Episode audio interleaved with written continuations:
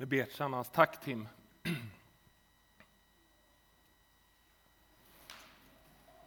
Tack kära himmelske Fader för att vi får samlas i Jesu namn. Tack för att det är underbart Herre. Tack för att du är här mitt ibland oss med din heliga Ande fast vi inte alltid ser dig så vet vi att du är här. Tack Herre för det.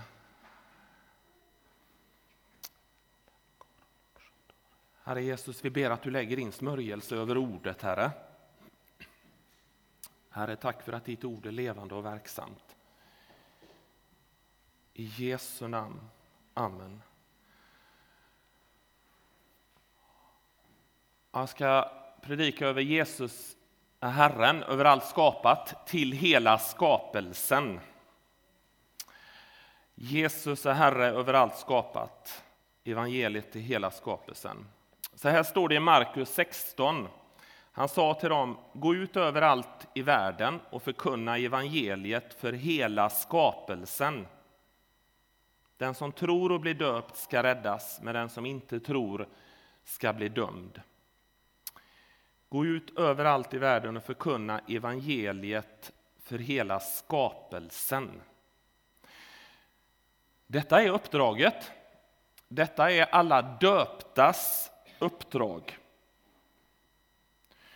Det här blev en väldigt stark upplevelse för mig, förutom nåden och tacksamheten att få vara med.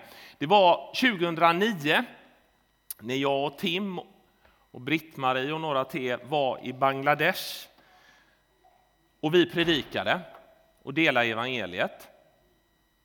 Och så är man ju utomhus då, och det samlas ju tusentals människor.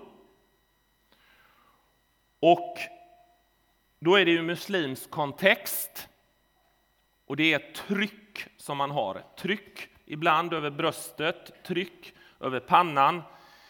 Eh, men i takt med att vi hade de här konferensdagarna så blev ju Gud bekräftar ju då det här. Eh, det som det här bibelstället fortsätter med det är ju att människor blir helade, befriade, upprättade. Och eh, trycket ökar ju och fler och fler människor kom. Och så den sista kvällen så var det nog närmare uppåt närmare 4 000 personer. Och när vi delar evangeliet den kvällen, när jag predikar där, så är det som Gud drar bort slöjan ett kort tag mellan himmel och jord. Och det här, det här är en sån, eh, det, det, är då man undrar, det är då man undrar om man går på vatten eller inte.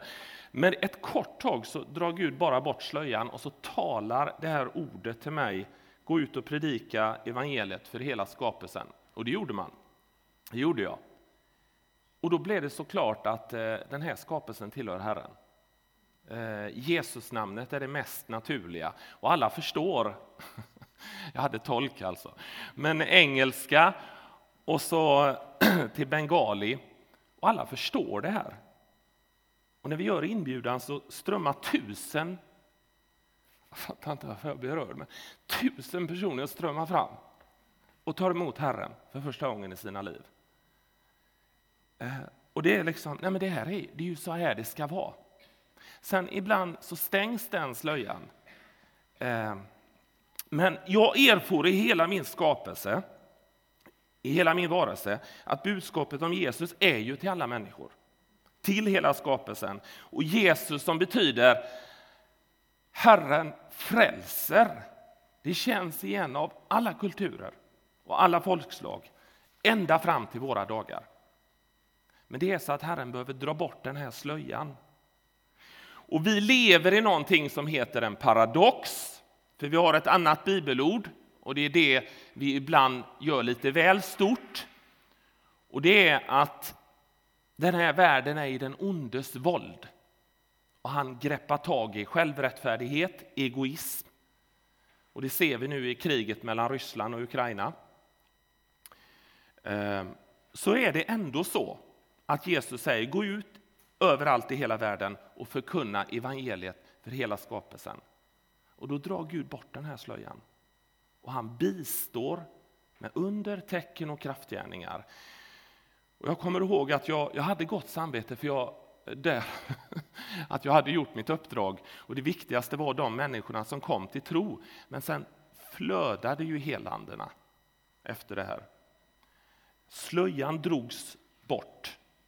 Och det är det vi säger och det är det jag ser att det kommer vara lite längre fram. Guds rike nu, men ännu inte. Guds rike nu, men ännu inte. Men en dag ska Herren komma tillbaka och göra en ny himmel och en ny jord. Och det är ju inte så att vi plötsligt bara, oj vad konstigt det blev, utan vi känner ju igen det här som redan är här och nu. Och då kommer den onde vara bunden och egoismen har släppt taget. Och Jesus gör en ny himmel och en ny jord. För att vara lite högtidlig här då så får jag säga att vi befinner oss i påsktiden. Och när Jesus hade dött och uppstått så undervisade han om Guds rike i 40 dagar. Och det är de 40 dagarna som är de, är de mest mystiska.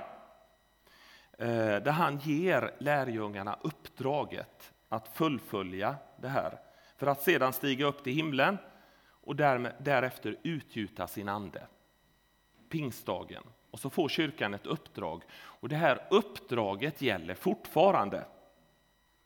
Kyrkan har alltså funnits sedan kyrkans födelsedag och Jesus har gett oss ett uppdrag. Där jag arbetar nu i Andersbergskyrkan, där har vi fått in ett stort gäng eh, Thomas kristna. Och det är underbart. Eh, och det är aposteln Thomas som grundar deras kyrka. Alla heter Thomas, är för och efternamn och så här, det är jätteroligt. Eh, eh, utom kvinnorna då. Men vi har gett upp det där, så vi kallar snart alla Thomas. Men de är jättestolta att säga att aposteln Thomas, Jesu lärjunge, han grundar den kyrkan där, sydvästra Indien.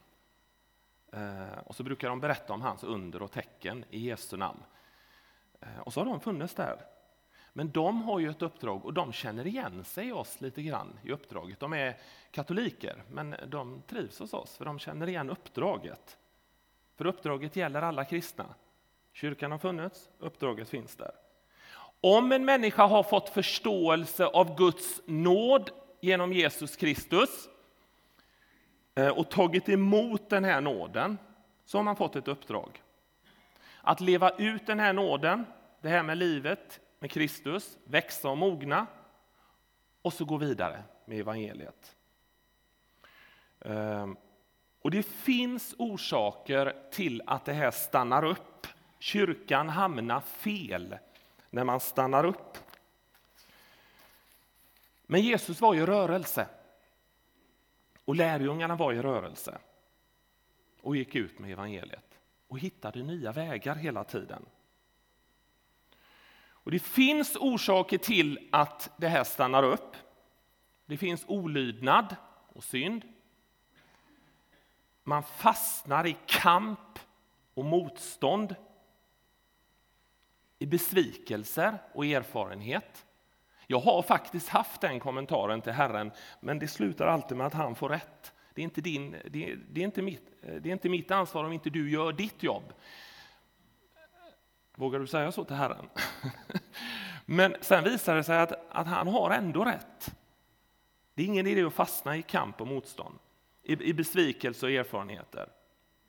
Sen kan man fastna i präktighet som mogna människor, man mognar. Hur man nu gör det. Och så kan man fastna i lärostrider. Man fastnar i olydnad och synd, man fastnar i kamp och motstånd, i besvikelse och erfarenheter, i präktighet genom att man mognar som människa. Och så fastnar man i lärostrider. Jag ska bara lyfta fram eh, kort de här tre delarna. Kamp och motstånd. Det är så här att Bibeln säger att han som bor i dig är större än den som är i världen. Det är den helige Ande. Och därför när det här riket börjar gå igenom dig så, så får man gång på gång påminna människor, nu är det andlig kamp. Så att eh, det var han, teamledaren 2009, han har ju varit ute på många, många, många fler sådana här resor. Han fick ta kampen den här gången. Alltså träd full och det blir storm och allt möjligt och så här. Eh, och jag var glad att han tog den kampen. Men eftersom han har varit med om det här förr så visste han, håll ut. Håll ut. Och det här med kamp och strid kan bli så mycket som man tappar eh, glädjen. Och då, då, måste man vända till Herren, för det finns ingen djävul och ingen kamp som är större än han som bor i dig. Men ibland är det som att man måste förklara för människor, förstår du att det är andlig kamp? Du har gjort Guds vilja. Jesus hade konstant andlig kamp emot sig, men han fick också oaser. Ehm. Sen kan man fastna i det här att man mognar som människa. Alltså, man mognar bort ifrån det här med att dela evangeliet. Man mognar bort ifrån uppdraget. Man sätter sig, ja, isolerar sig någonstans och läser böcker. Men jag ser inte det i Bibeln. Jag ser att det finns ett uppdrag hela vägen. Och Mognaden måste ju vara att man blir visare och effektivare, men inte att man tappar uppdraget. Utan gå vidare är i rörelse. Och så kan man tappa i det här med lärostrider. Ehm, och I det sammanhang vi är i, det sammanhang jag är i, där, där blir det lite konstigt när man har Luther före Paulus. Ehm, och det, det, då kommer man fel. Sanningen är den att Luther gick inte hela vägen ut. Och det, det, ibland är det som att svära i kyrkan, men jag, då, det är ingen svordom. I slutet av Luthers liv så blev han präktig. Han blev inne i lärostrider hela tiden. Och så var han inte i rörelse. Och till slut så började här självrättfärdigheten komma in. Och sen drar demonerna in i hans tankar, andemakter. Och så skriver han en bok som, som blir grunden till antisemitism i den moderna världen. Om judarna. Jag vill inte säga mer vad den heter. Men, men en av bitarna var ju att han stannade upp. Det fanns ingen mission, det fanns ingen evangelisation, det fanns ingen rörelse. Det är bättre att ha Paulus som förebild. Paulus säger så här, jag har kämpat den goda kampen. Jag har fullbordat loppet. Jag har bevarat tron. Och Det kan ju inte bara vara han som ska kunna säga detta. Eh, så i slutet, legenderna var jätteroliga med Paulus, då, historierna. Då. Han fick byta ut fångvaktare hela tiden till honom. Han, alltså, han, han kan, ni, ni, ni, förstår ju varför. Han, han betedde sig jättekärleksfullt, han var lydig, han följde fångvaktarna. Han blev ju martyr till slut då. Men de fick byta ut fångvaktarna. Kan ni ana varför? Ja, de kom ju till tro. De kom ju till tro en och en hela tiden. Så att, eh, och det finns en till i kyrkohistorien som hade det runt sig. Och det var John Wesley. Hela tiden så hade han motståndare, så när de kom nära honom så blev de hans vänner. Och de, det måste ju vara så att, att det går att vara i rörelse i vägen hela livet. Jag har kämpat den goda kampen, jag har fullbordat loppet, jag har bevarat tron. Det måste ju vara varje troendes bön. Det är därför han står i Bibeln, det är därför hans ord är med i Nya Testamentet. Likväl står uppdraget kvar. Jesus säger gå ut överallt i världen och förkunna evangeliet för hela skapelsen. Vara i rörelse, ut med evangeliet och hitta nya former. Ett folk i rörelse med uppdrag, med budskapet om Kristi kärlek. Och Gud har lovat att bistå dig. Gud har lovat. På engelska blir det lite häftigare. If God guide, he provide. Och det är inte bara pengar, utan det är med vänner och människor och folk som har gåvor som inte du har. Om man ju inte tror att man har alla gåvor. Ehm, kanske någon gör, men det är inte så, utan Gud förser dig med människor och med gåvor runt dig. Och när jag tittar tillbaks till mitt liv, på mitt liv, så, så är det faktiskt att sen den dagen jag kom till offentlig bekännande tro på Jesus, så har Gud manat på mig och manat mig till människor att berätta om Jesus. Och de har oftast ställt frågor. Och det roliga är att man får det svaret vill jag inte ha. Nej, men då säger man det var du som ställde frågan. Varför ställde jag frågan? Jag vet inte, men jag vet varför du ställde frågan. Anden är i rörelse. Och att människor har kommit till tro hela tiden. Eller att man har fått plantera frön i människors hjärtan. Guds rike finns där hela tiden, för Jesus är skapelsens Herre. Han är intresserad av varje område. Och det är väl två händelser, och hur jag ska ta mig igenom det här det vet jag inte. För, eh, Guds ande är här. Eh, och jag, men den första är när vi kom till Kalmuckien i, i mission för många år sedan. Då hade ju de fastnat i kamp, strid och lärostrider. Och så hade de insatt någon som inte skulle vara ledare.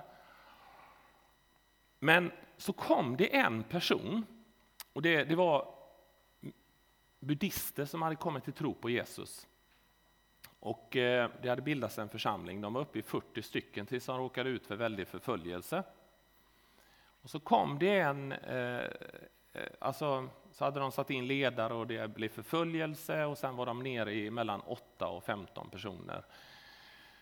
Och så kom det en person en gång på ett bönebesök då. Hon hade gått bibelskola i eh, Moskva. Och så kände man bara när hon steg in i, i eh, rummet hur atmosfären förändrades, men hon gjorde inget stort väsen av sig. Jag kunde ana att de visade henne respekt så, men det var inte hon som var ledaren längre. Och så var det någon som sa att det var hon som grundade församlingen. Och det var då den åkte upp till 40 personer. Hon var i rörelse, följde anden och Guds ande vilade över henne. I rörelse med att dela evangeliet. Och det är klart, vi kommer alltid få leva i den här paradoxen att den här världen är i den ondes våld. Men genom allt detta har Gud gett oss en överväldigande seger. Och han kommer alltid ge nya vägar. Och då är det ju så här att emellanåt så får, säger människor just det här att ja, men jag har en längtan och då, då blir det ju det. Vem tror du har placerat den längtan i ditt hjärta? Ja, det är ju Herren har en önskan. Ja, det är Herren som har placerat den önskan i ditt hjärta. Eh, och för några år sedan så arbetade jag på ett ställe där de hade ett HVB-hem eh, i närheten. Och jag har nog aldrig fått vara med och se hur lätt det är att dela evangeliet när Herren öppnar upp och hur förundliga vägar han har. Jag får ta ett beslut att vara fokuserad hela vägen för att det här berör mig så otroligt djupt hur Gud kan använda en person. Men det var en tjej som hade eh, blivit, hennes mamma hade fått gifta sig med en muslim, hon var från arabvärlden. Och sen hade hennes mamma blivit tvingad att kalla sig muslim och nu var alla deras barn muslimer då, men det hade inte bitit på den här dottern då, så hon hade en personlig tro på Jesus. Men hon hade blivit slagen och mådde jättedåligt och hamnade på HVB-hem då. Och så kommer ledaren för det här HVB-hemmet, hon ringer in mig. Vi kan kalla henne Maria, jag kommer nog inte riktigt ihåg vad hon heter. Men hon kommer med Maria och säger så här att hon vill träffa en präst och hon vill ha välsignelsen, hon vill ha undervisning om kristen tro. Vi ser att hon mår bra. av det här. Och det var otroligt mycket kärlek. Och sen bara det här blir som en räcka av möten. Så jag avsätter en timme en gång i veckan där jag ska möta den här Maria då, i all hennes nöd, i all hennes svaghet. De ser att det mår bra. Den första är ju en ortodox kvinna som eh, är från Grekland. Som plötsligt började hon berätta om att hon inte var döpt. Grejer för mig och så berätta när hon skulle döpas. Och jag fick reda på hela historien och jag var bra att du fick säga det, att du ska bli döpt. Det är viktigt med att döpas. Eh, och så fick vi en eh, samtal där. Och sen då så skulle hon komma med en eh, vårdare eller eh, skötare då, den här Maria, varje gång. Jag hade ett stort kontor, men som var klaustrofobiskt. Alltså dörren var lika tätt som i sån där eh, panic room. Eh, så att eh, ja, det var ju enkelt att säga så här att jag sitter inte där med en ung kvinna i 18-årsåldern i hennes djupaste nöd och delar evangeliet, utan den här vårdaren, skötaren, måste följa med då. Så nu var vi uppe i nästa och då kom ju han och han var ju muslim. Så han började ju backa där vid, vid dörren då. Jag skulle ju sitta och undervisa henne. Så jag sa att du måste vara med, sa jag. Och då följde han med och satte sig där. Eh, men efter ett tag, då, efter fem minuter, så, så började han eh, le då när jag delade evangeliet, berättade om kristen tro och gick igenom konfirmationsundervisning och avslutade med välsignelsen. Och sen så kom ju frågor ifrån han jättemycket då. Ja, sen kom hon med en ny person eh, nästa gång. Eh, och det var någon som var sekulariserad muslim. Och han vägrade gå in. Men jag stod och väntade tills han kom in och satte sig. Eh, och då fick jag dela evangeliet en gång till och jag körde lite grunder och så här. Och sen efter ett tag i slutet så började han le och sen så var han med. Eh, satt där och tittade när vi bad. Då. Sen nästa gång så kom hon med en tjej i 25-årsåldern. Svensk. Hon var sur från början till slut. Eh, men hon fick också höra evangeliet. Och sen i slutet då, så eh, sista gången, så kom hon med en man i, han var närmare 60. Och jag talar rikssvenska jämfört med hans göteborgska.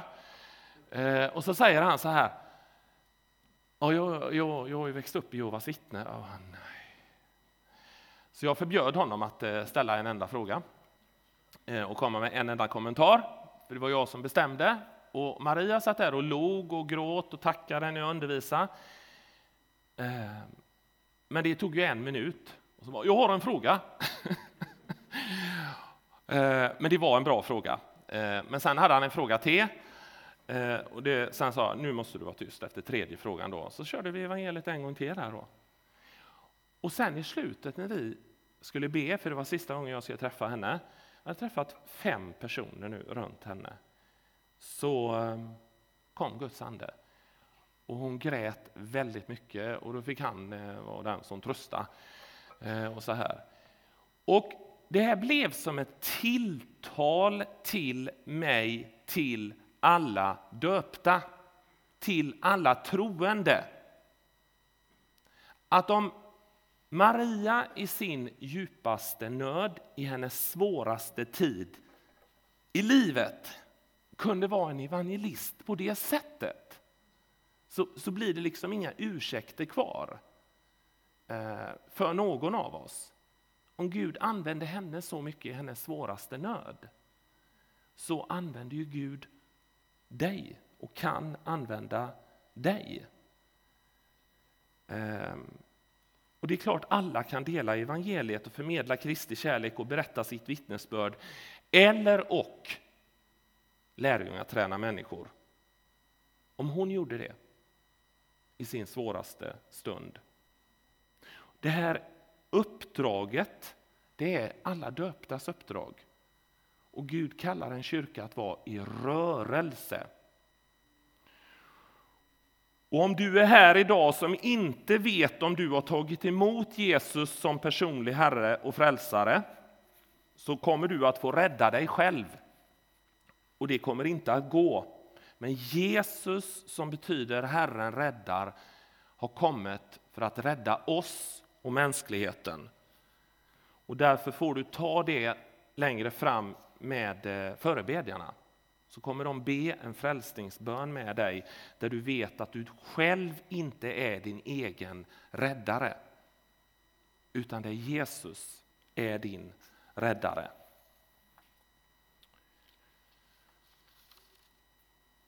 Så här står det i eh, evangelietexten. Gå ut överallt i världen och förkunna evangeliet för hela skapelsen. Och det är alla döptas uppdrag. Och Gud har kallat oss att vara i rörelse så kommer vi övervinna allt motstånd, alla attacker. För Jesus är Herre över hela skapelsen. Vi ber tillsammans. Herre Jesus, jag tackar dig för att även om hedningarna rasar, människor skränar, världen trycker på, hånar och attackerar, så är ditt evangeliet, ditt evangelium är för alla människor. Och din är skapelsen. Din är skapelsen. Och vi ber i Jesu namn att du denna dag på ett speciellt sätt ska låta folk gå, människor gå i förberedda gärningar så att du bara banar vägen. Fader, det ber vi dig om i Jesu namn. Amen. Innan vi ska ge